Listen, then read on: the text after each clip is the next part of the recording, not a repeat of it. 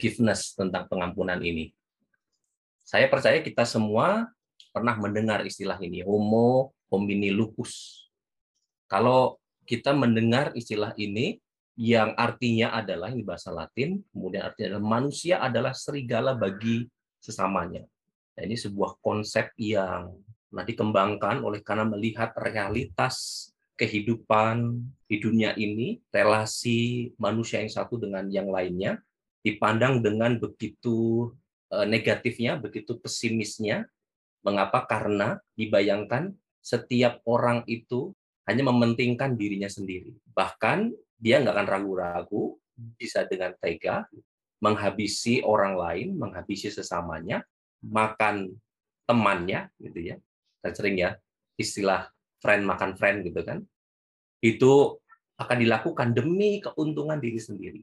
Itu realitas yang terbaca mengingat ada begitu banyak kejahatan, itu begitu banyak kekerasan yang terjadi, belum lagi peperangan di antara bangsa-bangsa, yang pasti itu ingin menunjukkan bahwa aku lebih kuat daripada orang lain. Sehingga pemahaman ini, homo homini lupus ini, manusia adalah serigala bagi sesamanya, yang siap mencaplok orang lain, gitu, itu menjadi begitu sangat mudah di, dimengerti kenapa ini muncul. Begitu diterima oleh karena realitas realitas yang ada. Konon katanya begitulah DNA dunia ini dan adanya persaingan, kemudian menimbulkan pertikaian, permusuhan, kekerasan, peperangan terjadi. Karena untuk hal yang besar, bahkan untuk hal-hal yang kecil, yang sepele pun sangat mudah sekali ter-trigger tuh seorang untuk menghajar yang lainnya. Pokoknya istilahnya senggol bacok gitu ya. Ada sini yang memegang prinsip itu pada waktu remaja dulu. Enggak nggak bisa disenggol gitu ya. Pokoknya ada orang yang coba nyenggol aku, coba musik-musik aku, huh, gue hajar gitu ya. Saya percaya kalian tidak begitu. Bukan masa remaja kalian yang gampang mudah tawuran gitu ya. Bawa gear diikat gesper ke mana-mana. Itu mungkin teman-teman kalian dulu gitu ya. Gear sepedanya dicopot demi untuk menghabisi kelompok yang lainnya. Tapi inilah yang menjadi realitas kita gitu ya. Sehingga tidak heran kalau ada kejadian yang model kayak begini nih. Nggak rela disalib oleh yang lainnya, apalagi sampai nyenggol sedikit spionnya, udah deh. Masuk gerbang tol aja rebutan. Nggak bisa terima kalau ada orang lain yang dianggap mengusik, dianggap ingin melampau ingin melangkahi dirinya. Semoga ini bukan apa yang kita kita hidupi sebagai orang percaya, anak-anak Tuhan. Memang ada tuh hukum yang berlaku sejak zaman dulu dalam zaman perjanjian lama, dalam perjanjian baru, bahkan mungkin masih banyak dipraktekkan pada hari ini gitu ya, hukum lex talionis yang disebut sebagai hukum pembalasan. Mungkin kita ketika mendengar kata ini teringat dengan apa yang pernah Tuhan Yesus sampaikan, yang mencoba mengingatkan orang-orang yang diajarnya pada waktu itu tentang bagaimana orang itu harus hidup melampaui apa yang dunia ini praktekkan, apa yang dunia ini sering lakukan. Lex talionis ini kerap kali dipegang oleh dunia pada waktu itu sejak zaman dahulu kala. Karena itu Tuhan Yesus pernah berkata di Matius 5 ayat 38, kamu telah mendengar firman. Bahkan ada tuh tercantum dalam firman gitu ya. Di dalam hukum Taurat, mata ganti mata, gigi ganti gigi. Nah, itu kalau merujuk pada Imamat 24 ayat 20 gitu ya. Jelas sana disebutkan patah ganti patah, mata ganti mata, gigi ganti gigi, seperti dibuatnya orang lain bercacat, begitulah harus dibuat kepadanya. Nah, ini hukum lex talionis itu, hukum pembalasan. Pokoknya pembalasannya harus setimpal. Kalau aku diambil gigiku, maka gigimu juga harus hilang. Ngeri ya. itu yang yang terjadi dalam dalam dunia perjanjian lama. Sampai mengusik seorang Mahatma Gandhi. Ini bukan orang Kristen juga. Dia bukan orang percaya, tapi kalau praktek hukum seperti Lex Talionis itu dilakukan, dia membayangkan, bahkan dalam perjanjian lama pun dilakukan. Kalau semua mata ganti mata, ini akan membuat dunia ini menjadi menjadi buta, kata Gandhi. Nah, ini tentu sebuah kiasan gitu ya. Kalau semua orang menekankan hukum balas dendam, kita bisa bayangkan dunia ini benar-benar memasuki masa kegelapan, kira-kira gitu. Semua orang di dunia ini menjadi buta, tidak bisa melihat, gelap. Masa yang paling suram dalam sejarah kehidupan manusia. Itu yang pasti akan terjadi. Kalau hukum Lex Talionis ini diterus-teruskan. Kalau hukum balas dendam ini terus dipegang. Masing-masing nggak ada yang mencoba untuk mengalah, memberi jalan lebih dulu kepada yang lain. Ini semua ingin di depan dan semua ingin mendapatkan. Nah, ini kita semua bisa buta. Kita akan masuk ke dalam kegelapan hidup yang paling mengerikan di dalam sejarah kehidupan manusia. Ya, jadi pasti peperangan akan terjadi di mana-mana. Nah, kalau itu terjadi sekarang zaman ini, ketika nuklir sudah ditemukan, ketika semua pemimpin dunia memegang itu dan menjadi mata gelap gitu kan. Tinggal pencet satu tombol satu negara dan negara lain ke tombol yang lain, kita akan mengalami kehancuran yang berhebat karena perang perang nuklir. Jadi kan dikhawatirkan ya, perang Ukraina Rusia aja membuat kita khawatir karena ini bukan sekedar peperangan antara Rusia dengan Ukraina, tapi Rusia dengan Amerika, Rusia dengan Eropa. Nah, semua negara itu punya nuklir. dan mengembangkan senjata nuklir. Ngeri gitu ya. Sangat-sangat mengerikan. Kita sebagai orang percaya lebih lagi seharusnya. Minimal kita mirip seperti Mahatma Gandhi yang merindukan damai sejahtera. Kalau Mahatma Gandhi yang seorang yang bukan Kristen saja, dia memegang pengajaran Kristus, lebih lagi harusnya kita sebagai orang percaya di dalam kehidupan ini. Maka kita harus mengaminkan apa yang Yesus ajarkan.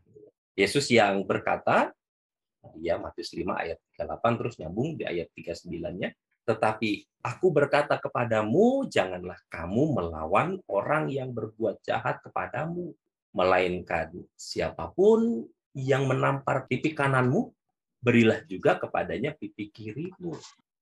Tapi bayangkan ini kan pesan yang mau dikatakan Mahatma Gandhi ketika dia juga mengaminkan pengajaran Yesus ayolah kita harus melek semua gitu. Jangan sampai kita kehilangan mata semuanya dan kita membuat dunia ini makin makin suram. Tuhan sejak jauh sebelum Gandhi ada mengajarkan itu di dalam Injilnya agar setiap orang proaktif memutus rantai kebencian, memutus rantai kekerasan. Jangan kekerasan dibalas kekerasan, kebencian dibalas dengan kebencian. Sampai dia mengajarkan, berikan juga kepada pipi kirimu. Kalau dia tampar pipi kanan. Proaktif untuk mengupayakan perdamaian itu. Proaktif untuk mengupayakan agar jangan sampai tali ikatan yang sudah ada itu terputus. Hanya karena aku harus membalasnya menampar pipi kanannya. Supaya dia tahu rasa. Nah, mungkin saya berkali-kali menyampaikan itu kepada teman-teman ya, makna yang bisa kita tafsirkan dengan perkataan Yesus ini. Jadi kalau dibayangkan orang ditampar pipi kanan, itu orang akan menggunakan punggung tangannya gitu. Enyah kau gitu ya. Kira-kira mau kami mengatakan plak mau mengatakan gitu kan, pergi kau dari hadapanku. Pipi kanan yang kena, gitu kan? Nah, Tuhan katakan berilah pipimu yang kiri. Ini sebuah Eh, simbol sebenarnya, sebuah upaya perdamaian. Jangan balas, jangan putuskan ikatan itu, tapi upayakan perdamaian. Berikanlah pipimu yang kiri. Artinya kalau orang mau menampar pipi kita yang kiri, dia akan menggunakan tangan bagian dalamnya. Eh, gitu kan, kayak sinetron-sinetron kita gitu. Ini menjadi simbol arti simbol penerimaan sebenarnya tangan yang terbuka bukan tangan yang tertutup dan mengatakan enyah, tapi terbuka menerima. Sebenarnya ini mau mengatakan bahwa biarlah satu dengan yang lainnya itu boleh tetap memiliki tangan yang terbuka, bicarakan lagi, dialogkan lagi, diskusikan lagi apa sih masalahnya gitu. Kenapa sih saat itu sampai begini gitu kan? Nah, dengan membuka diri, membuka hati itu nggak dengan buru-buru lekas-lekas melampiaskan amarahnya harus balas gitu kan. Oke, okay, aku disakiti tapi aku membuka diriku untuk tetap menjadi temannya, tetap menjadi uh, sahabatnya, tetap menjadi orang yang pernah kenal dengan dia. Berikanlah pipi kirimu. Nah, tentu ini pasti sulit untuk dilakukan. pasti rasanya berat banget gitu ya.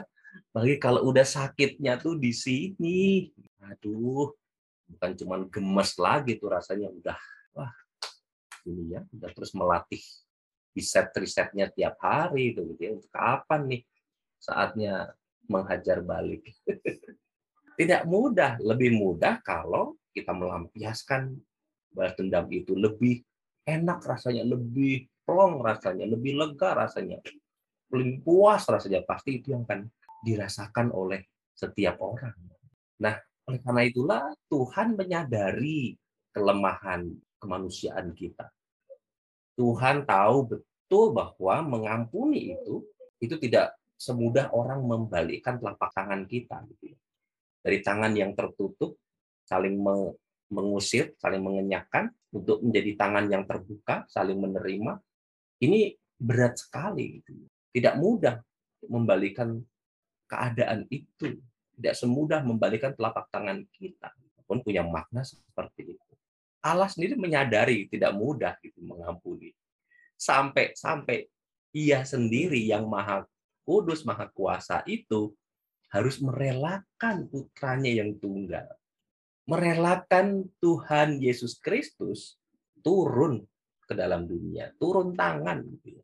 Karena manusia nggak akan mungkin bisa mengupayakan hidup yang mendamaikan dirinya dengan Tuhan, mendamaikan dirinya dengan sesamanya, kalau tidak dimulai dulu oleh sang ilahi itu. Pengorbanan Allah ini menunjukkan betapa sulitnya mengampuni itu. Pekerjaan pengampunan, dan keselamatan itu begitu luar biasa besar. Tapi itulah harga yang diambil oleh Allah kita, oleh Tuhan kita. Dia yang punya hak, punya otoritas ya, untuk bisa segera melenyapkan manusia yang berdosa ini, kita yang telah mengecewakan di Tuhan ini, tapi gitu, Allah harus meredam egonya gitu ya. Sehingga kasih yang jauh lebih besar muncul, sehingga karya penyelamatanlah yang diupayakannya. Bukan, wah udahlah, singkirkan manusia yang ini di bumi ini, kubuat bumi yang lain. Kubuat manusia yang baru. Ciptaan yang baru yang nggak akan jatuh lagi ke dalam dosa. Semudah menjentikan jari gitu ya bukan jarinya Thanos gitu kan. Jarinya Allah, mudah sekali gitu. Tapi bukan itu yang Allah pilih. Jalan berat, jalan panjang keselamatan untuk membuka pintu pengampunan. Tentu ketika dia membayar dengan kehidupan anaknya Tuhan kita Yesus Kristus. Nah, kita diajak untuk belajar dari kasih Tuhan yang sungguh luar biasa itu. Kita diajak untuk juga mampu belajar mengampuni. Teladannya ya Tuhan sendiri. Nah, ini pendeta emeritus pun tadi almarhum beliau pernah membuat ilustrasi yang cukup menarik menurut saya dan saya nggak bosan-bosan untuk memperkenalkan ini terus karena ini juga yang mengajar saya gitu yang mudah sekali untuk kita eh, bisa memahami bagaimana kita belajar mengampuni itu. Ini belajar mengampuni itu seperti orang belajar naik sepeda. Nah, ini artinya ini sebuah proses. Belajar sebuah proses. Orang naik sepeda itu dia nggak langsung bisa, tapi dia ketika dilepas oleh papanya, mamanya, si anak ini akan jatuh, gitu ya. Stangnya berbelok, dengkulnya terluka, sikutnya terluka, gitu lalu lukanya udah mulai kering, lalu belajar lagi, jatuh lagi, lukanya sobek lagi, aduh, baru udah mau sembuh, jatuh lagi, sakit lagi. sakit berkali-kali ketika jatuh bangun, jatuh bangun, belajar naik sepeda. Tapi ketika sudah berkali-kali nggak bosen untuk dilakukan, belajar naik sepeda ini, setiap hari belajar, sekarang belum bisa, besok belum bisa, lusa belum bisa, terus belajar, gitu ya. walaupun sakitnya berkali-kali, tapi pada akhirnya suatu ketika nanti akan lancar bisa naik sepeda. Nah, belajar mengampuni juga kadang gitu, teman-teman gitu ya. Digambar oleh pendeta pun tadi itu, kita tuh mengampuni itu bisa sampai sakit sekali gitu. Udah ku maafkan, udah ku beri tempat lagi gitu ya. Eh dia ngulangin lagi. Eh dia bohong lagi. Eh dia nyinggung-nyinggung lagi eh dia jawil-jawil lagi gitu ya. Sakit lagi. Kita belajar lagi untuk mengampuni. Kita coba menerima lagi. Eh dia gitu lagi. Nah akan akan begitu tuh sakit lagi sembuh lagi mulai kering. Belum kering banget eh udah jatuh lagi sakit lagi. Kita terluka lagi. Karena perbuatan orang yang sama yang itu juga. Nah jadi kita diajak menyadari memang nggak mudah mengampuni itu. Upaya yang Allah kerjakan itu jalan panjang anak itu sampai harus menjadi proses lahir seperti bayi yang lemah, lalu bertumbuh menjadi seorang anak, remaja, dewasa, pemuda, baru dia melayani.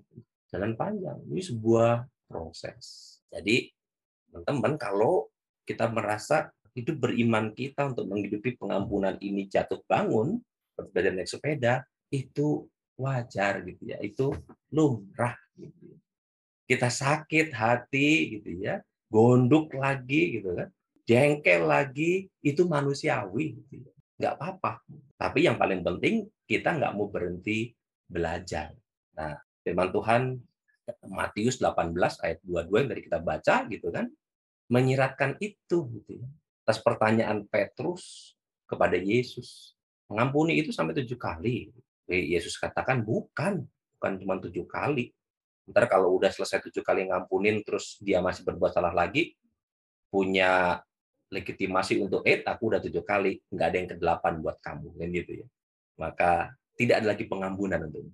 Tapi Tuhan bilang bukan sampai tujuh kali, melainkan sampai tujuh puluh kali tujuh kali.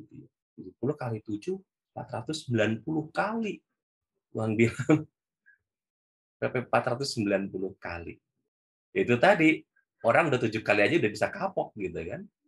Jangan tujuh kali, dua kali, tiga kali aja udah wah kapok deh. Pokoknya nggak ada tempat lagi buat kamu. Pokoknya hatiku udah tertutup untukmu. Udah males, udah kapok. Nah, tapi Tuhan bilang jangan kapok gitu ya. Masih banyak kuotanya gitu ya. Baru tujuh kali, masih ada delapan. Masih ada ke sembilan, ke sepuluh, ke sebelas kali gitu ya. Minimal sampai 490 kali. Gitu. Walaupun angka tujuh di sini mau Tuhan maksudkan sampai sesempurna mungkin gitu ya. Sebenarnya nggak ada batasan sebenarnya. Sesempurna mungkin. Sekalipun tuh harus berkali-kali sakit jatuh. Kecewa berkali-kali, jengkel berkali-kali. Terus kata Tuhan. Jangan berhenti. Nah, diharapkan sampai ke 100 kali mengampuni kita nanti udah mahir gitu ya dalam menjalani menghayati hidup beriman ini, spiritualitas pengampunan ini. Kita nggak akan mudah lagi sakit hati, nggak akan mudah lagi uh, jengkel, walaupun mungkin orang itu akan masih terus melakukan kesalahan, melakukan menyakiti hati kita. Kita nggak akan mudah lagi menghakiminya, kita nggak akan mudah lagi menolaknya, tapi kita menerima dia bagi pribadi yang harus kita tolong, harus kita bangun. Bukan justru pribadi yang udahlah nyah saja kau. Gitu. Berat ya belajar seperti itu matematikanya Tuhan gitu ya.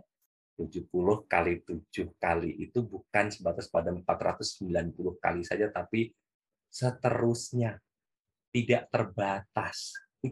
Jangan berhenti. Terus lakukan sampai sempurna. Walaupun kita nggak tahu sempurnanya itu kapan. Tapi yang penting kita mau terus belajar dan melakukannya. Terus belajar dan melakukan. Kita boleh dapat menghidupinya dalam penghayatan kehidupan iman kita hari lepas sehari. Nah, pasti kalian udah mau nyerah juga nih. uh, ternyata sulit ya mengampuni gitu kan. Kayak tadi ceritanya yoga sama Benny tentang sate kemarin kan gitu. Diversuskan dengan apa itu tadi? Sweet revenge, Kak. Pembalasan yang lembut gitu ya. Pembalasan yang halus gitu ya. Nah, itu kan godaan kita gitu ya.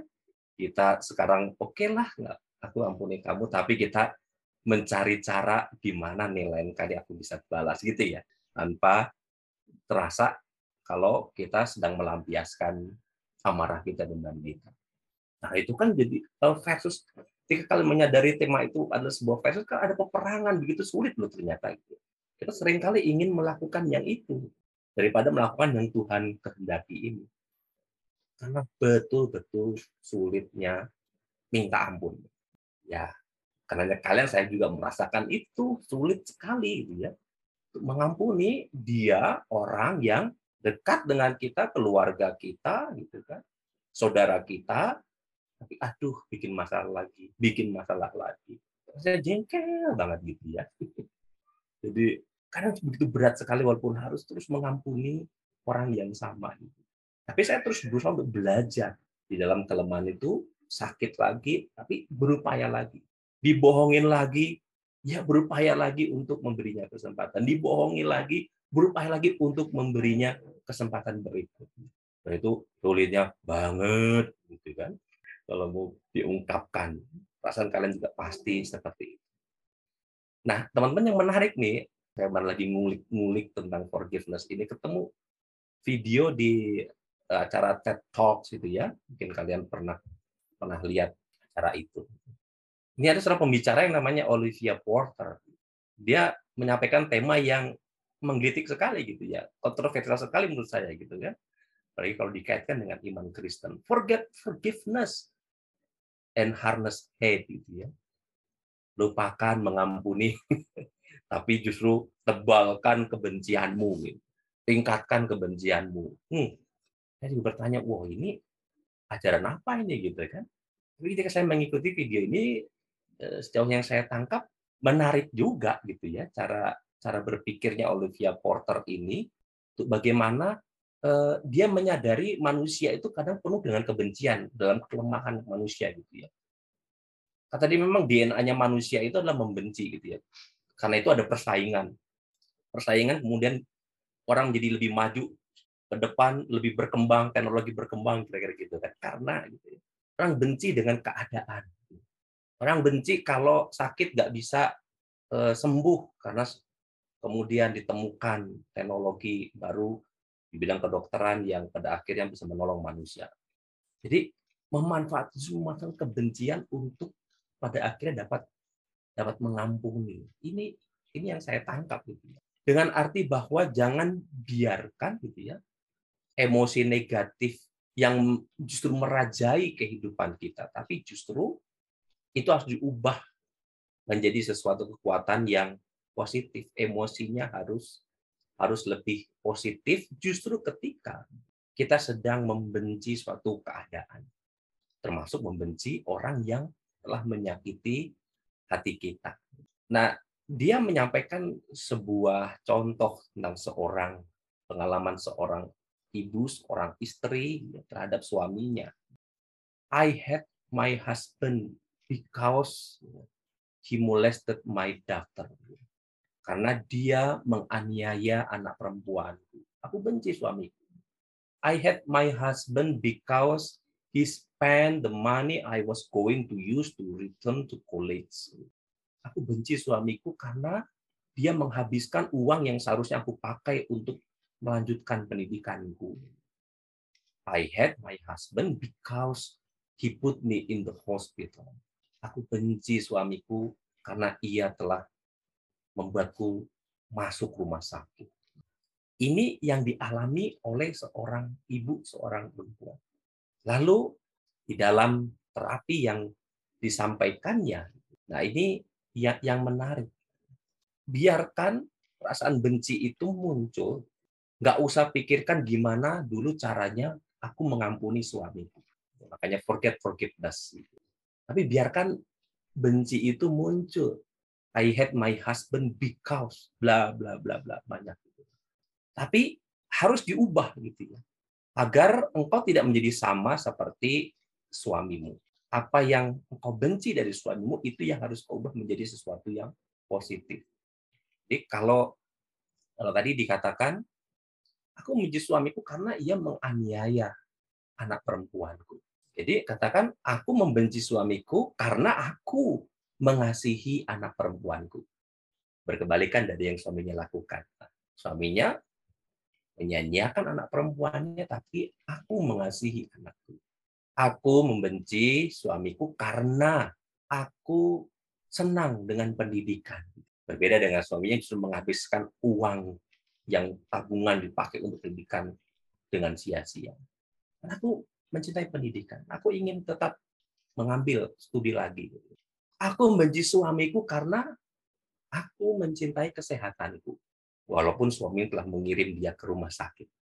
Nah, jadi ketika dia benci apa yang dilakukan suaminya, lalu dia akan melakukan hal yang sebaliknya karena dia benci untuk melakukan yang sama seperti yang suaminya lakukan.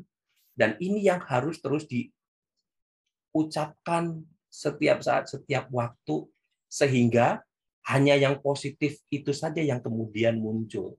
Bahwa terus suarakan dalam hatimu, aku mengasihi anak perempuanku. Aku mengasihi untuk melanjutkan studiku. Aku senang kalau aku bisa sekolah lagi. Aku mengasihi kesehatanku. Senang kalau aku terus sehat. Jadi mencintai hal yang yang positif.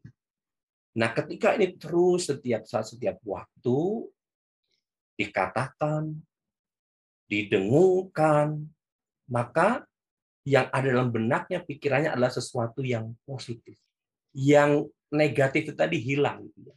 Perasaan bencinya terhadap suaminya itu lambat laun akan boleh mampu sedikit demi sedikit lenyap karena hatinya sudah dipenuhi dengan cinta. Nah, ini kan seperti ajaran mistik gitu ya.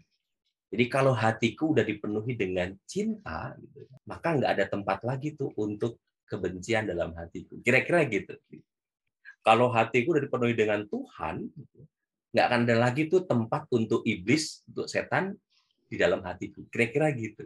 Saya menangkap secara uh, mistis dalam teologi mistis seperti itu. Ini juga terjadi kalau hatiku dipenuhi cinta, maka nggak ada lagi tuh kebencian. Bahkan terhadap orang yang sudah merenggut segala-galanya dari kehidupanku. Nah, kemudian orang ini mampu telah melihat secara positif, hatinya dipenuhi kasih, dia berubah hidupnya, dia mampu untuk menerima kembali suaminya, menerima keadaannya, menerima hidupnya, dan dia dapat menjalani hidupnya dengan lebih sukacita, dengan lebih produktif. Nah, ini adalah cara apresiatif inquiry. Gitu ya. Melihat fokus pada apa yang positif, yang masih bisa digali dari suatu keadaan, satu kondisi. Kekuatan ini yang bisa menolong memulihkan orang. Jadi nggak dulu bicara soal forgiveness karena itu hanya akan terus menyakitkan. Gitu. Tapi fokus dari kebencian itu justru membangun hal yang baik karena kita tidak mau melakukan seperti yang kita benci itu. Kita nggak mau menjadi sama seperti orang yang kita benci itu. Nah, saat yang baik, yang positif itu memenuhi pikiran kita, memenuhi hati kita, nah, mungkin pada saat itu kita udah bisa belajar eh, lancar naik sepeda kita. Lancar untuk kita mampu mengampuni orang lain. Membuat kita untuk tidak lagi baper lagi, sakit hati lagi karena disenggol oleh orang lain. Karena kita diungkit-ungkit lagi oleh orang lain. Ini menjadi sesuatu yang yang baik, yang positif dalam hidup kita. Nah, teman-teman ada lagu kan pernah bilang when love and hate collide gitu ya.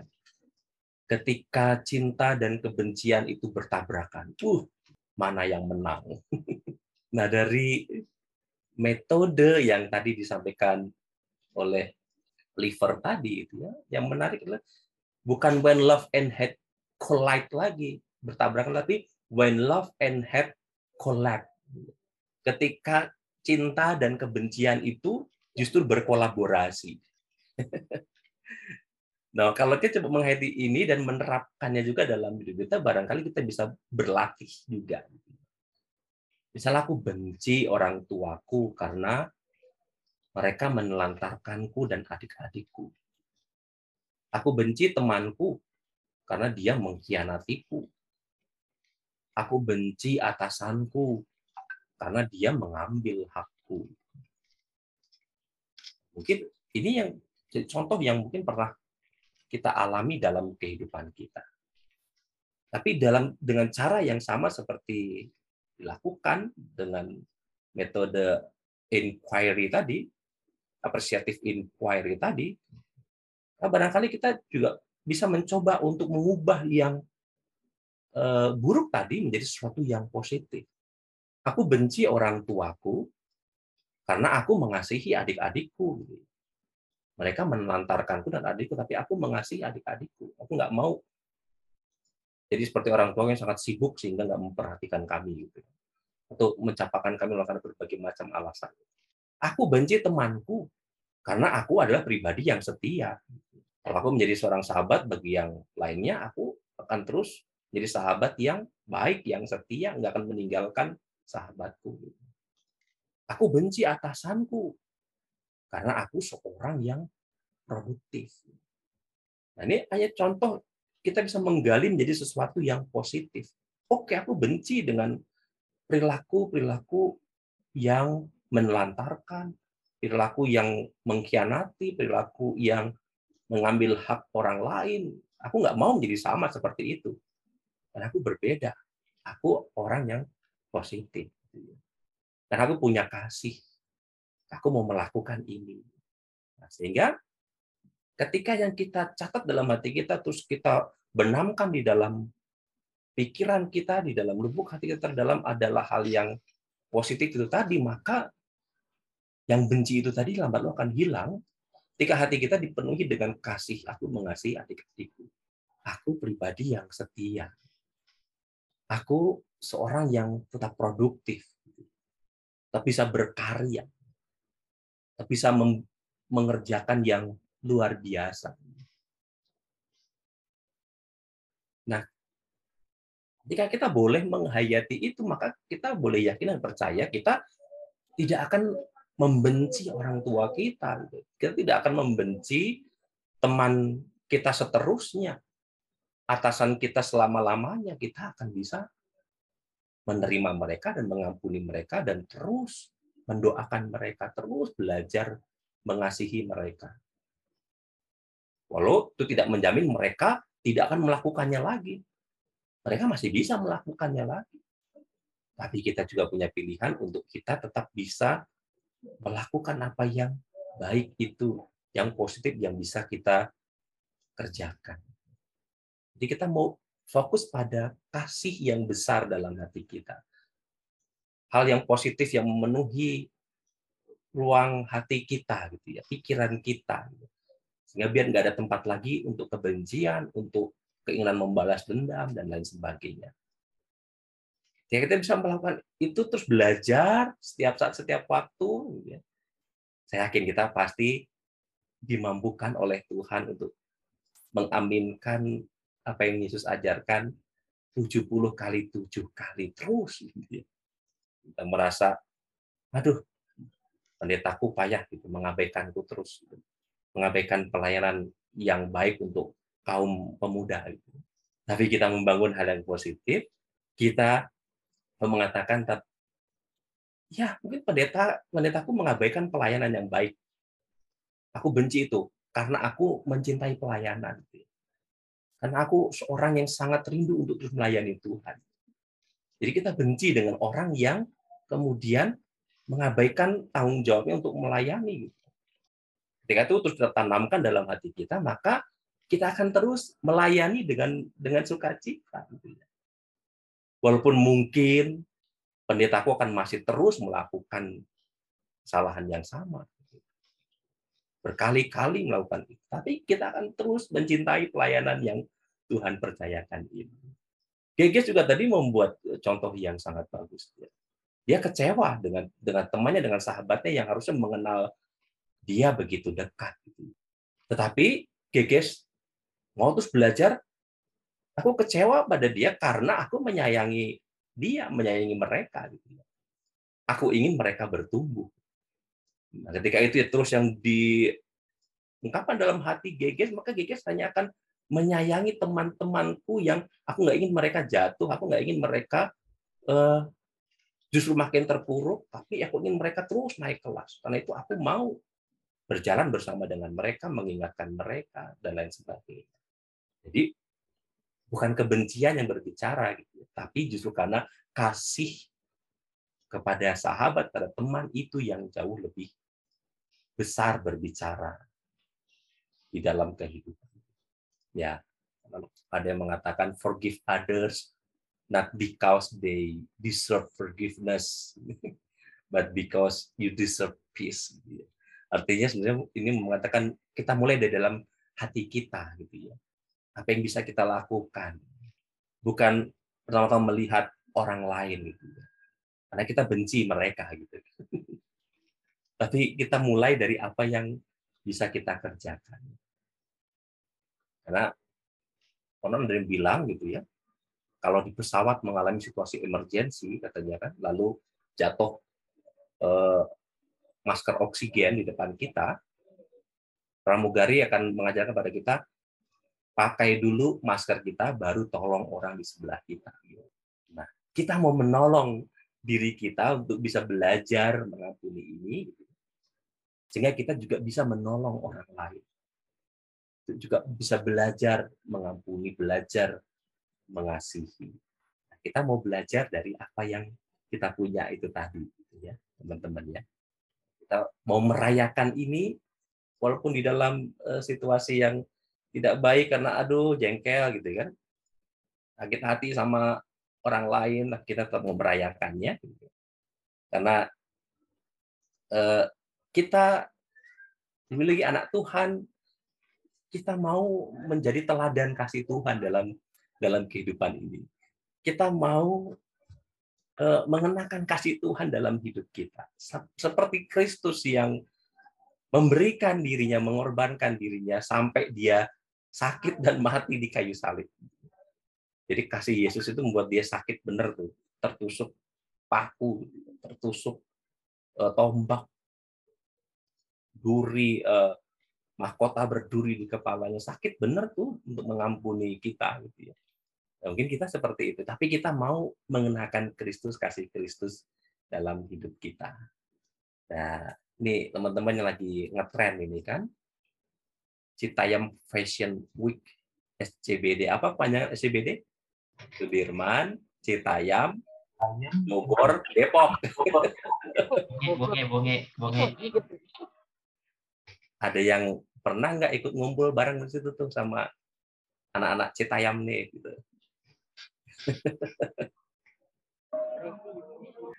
Ini sebuah fenomena ya, gitu ya, Citayam Fashion Week gitu ya. Bandingkan dengan Paris Fashion Week gitu ya. Jadi yang nggak dipakai yang dipakai Citayam gitu ya, bukan Sudirman Fashion Week gitu. Kalau Sudirman Fashion Week kita tahu dong gitu ya, gayanya orang-orang yang bekerja di Sudirman itu wow keren-keren gitu kan. Sepatunya bagus-bagus, tasnya bagus-bagus, setelannya bagus-bagus. Gitu. Nah, anak-anak Citayam ini gitu ya, dalam kesederhanaan mereka, yang mau dikatakan bahkan dalam keudikan mereka, tapi mereka bangga mengenakannya, outfit mereka mereka suka dan mereka tampilkan gitu ya. Mereka tunjukkan dengan penuh kebanggaan itu. Walaupun itu barangkali apa yang mereka miliki. Gitu. Mereka enggak kalau dibandingkan dengan gaya orang Sudirman gitu kan, itu jauh banget gitu. Kalau fashionnya orang kerja Sudirman jauh banget, kebanting banget. Nah, tapi justru mereka mencoba menampilkan diri mereka, siapa mereka. Walaupun mereka hanya punya itu, mereka bisa bergaya kira-kira kira-kira gitu ya nah kalau kita mau bercermin nih dari ilustrasi ini kita juga bertanya lalu apa outfit kita nih sebagai pemuda-pemudi Kristen apa yang bisa kita tampilkan tunjukkan pun di dalam segala keterbatasan kita. Begitu mudahnya eh, hati kita retak gitu ya, sakit hati. Begitu rentannya kita mudah kecewa dan lain sebagainya. Kita mencoba seperti Efesus 6 ayat 14 katakan. Jadi berdirilah tegap, berikat pinggangkan kebenaran, dan berbaju zirahkan keadilan.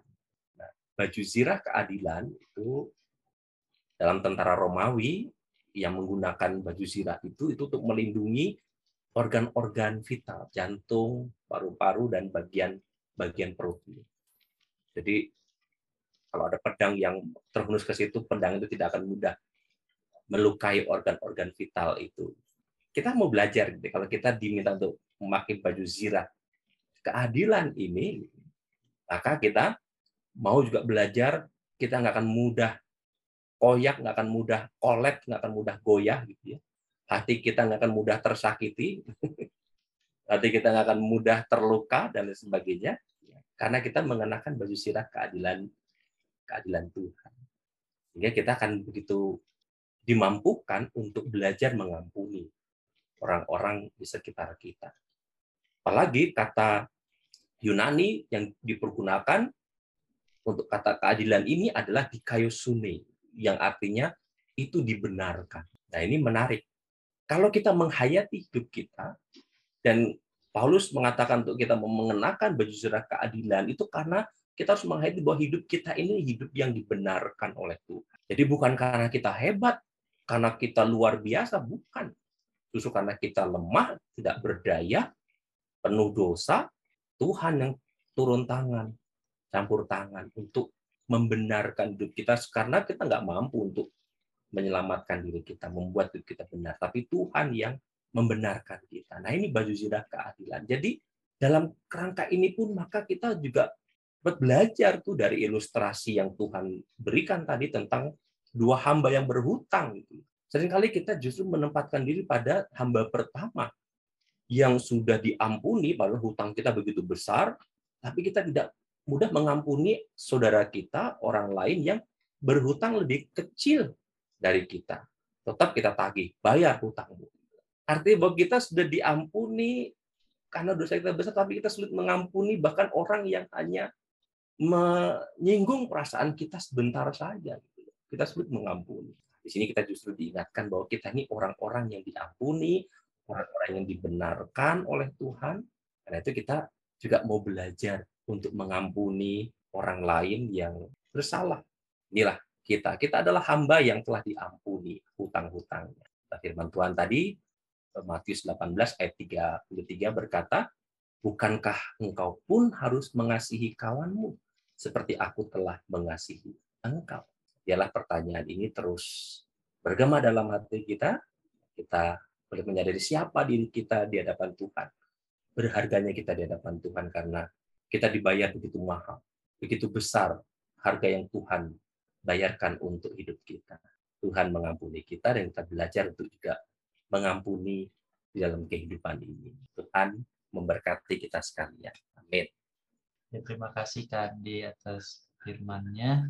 Sekarang kita mungkin ada masuk ke sesi tanya jawab. Mungkin ada yang mau bertanya.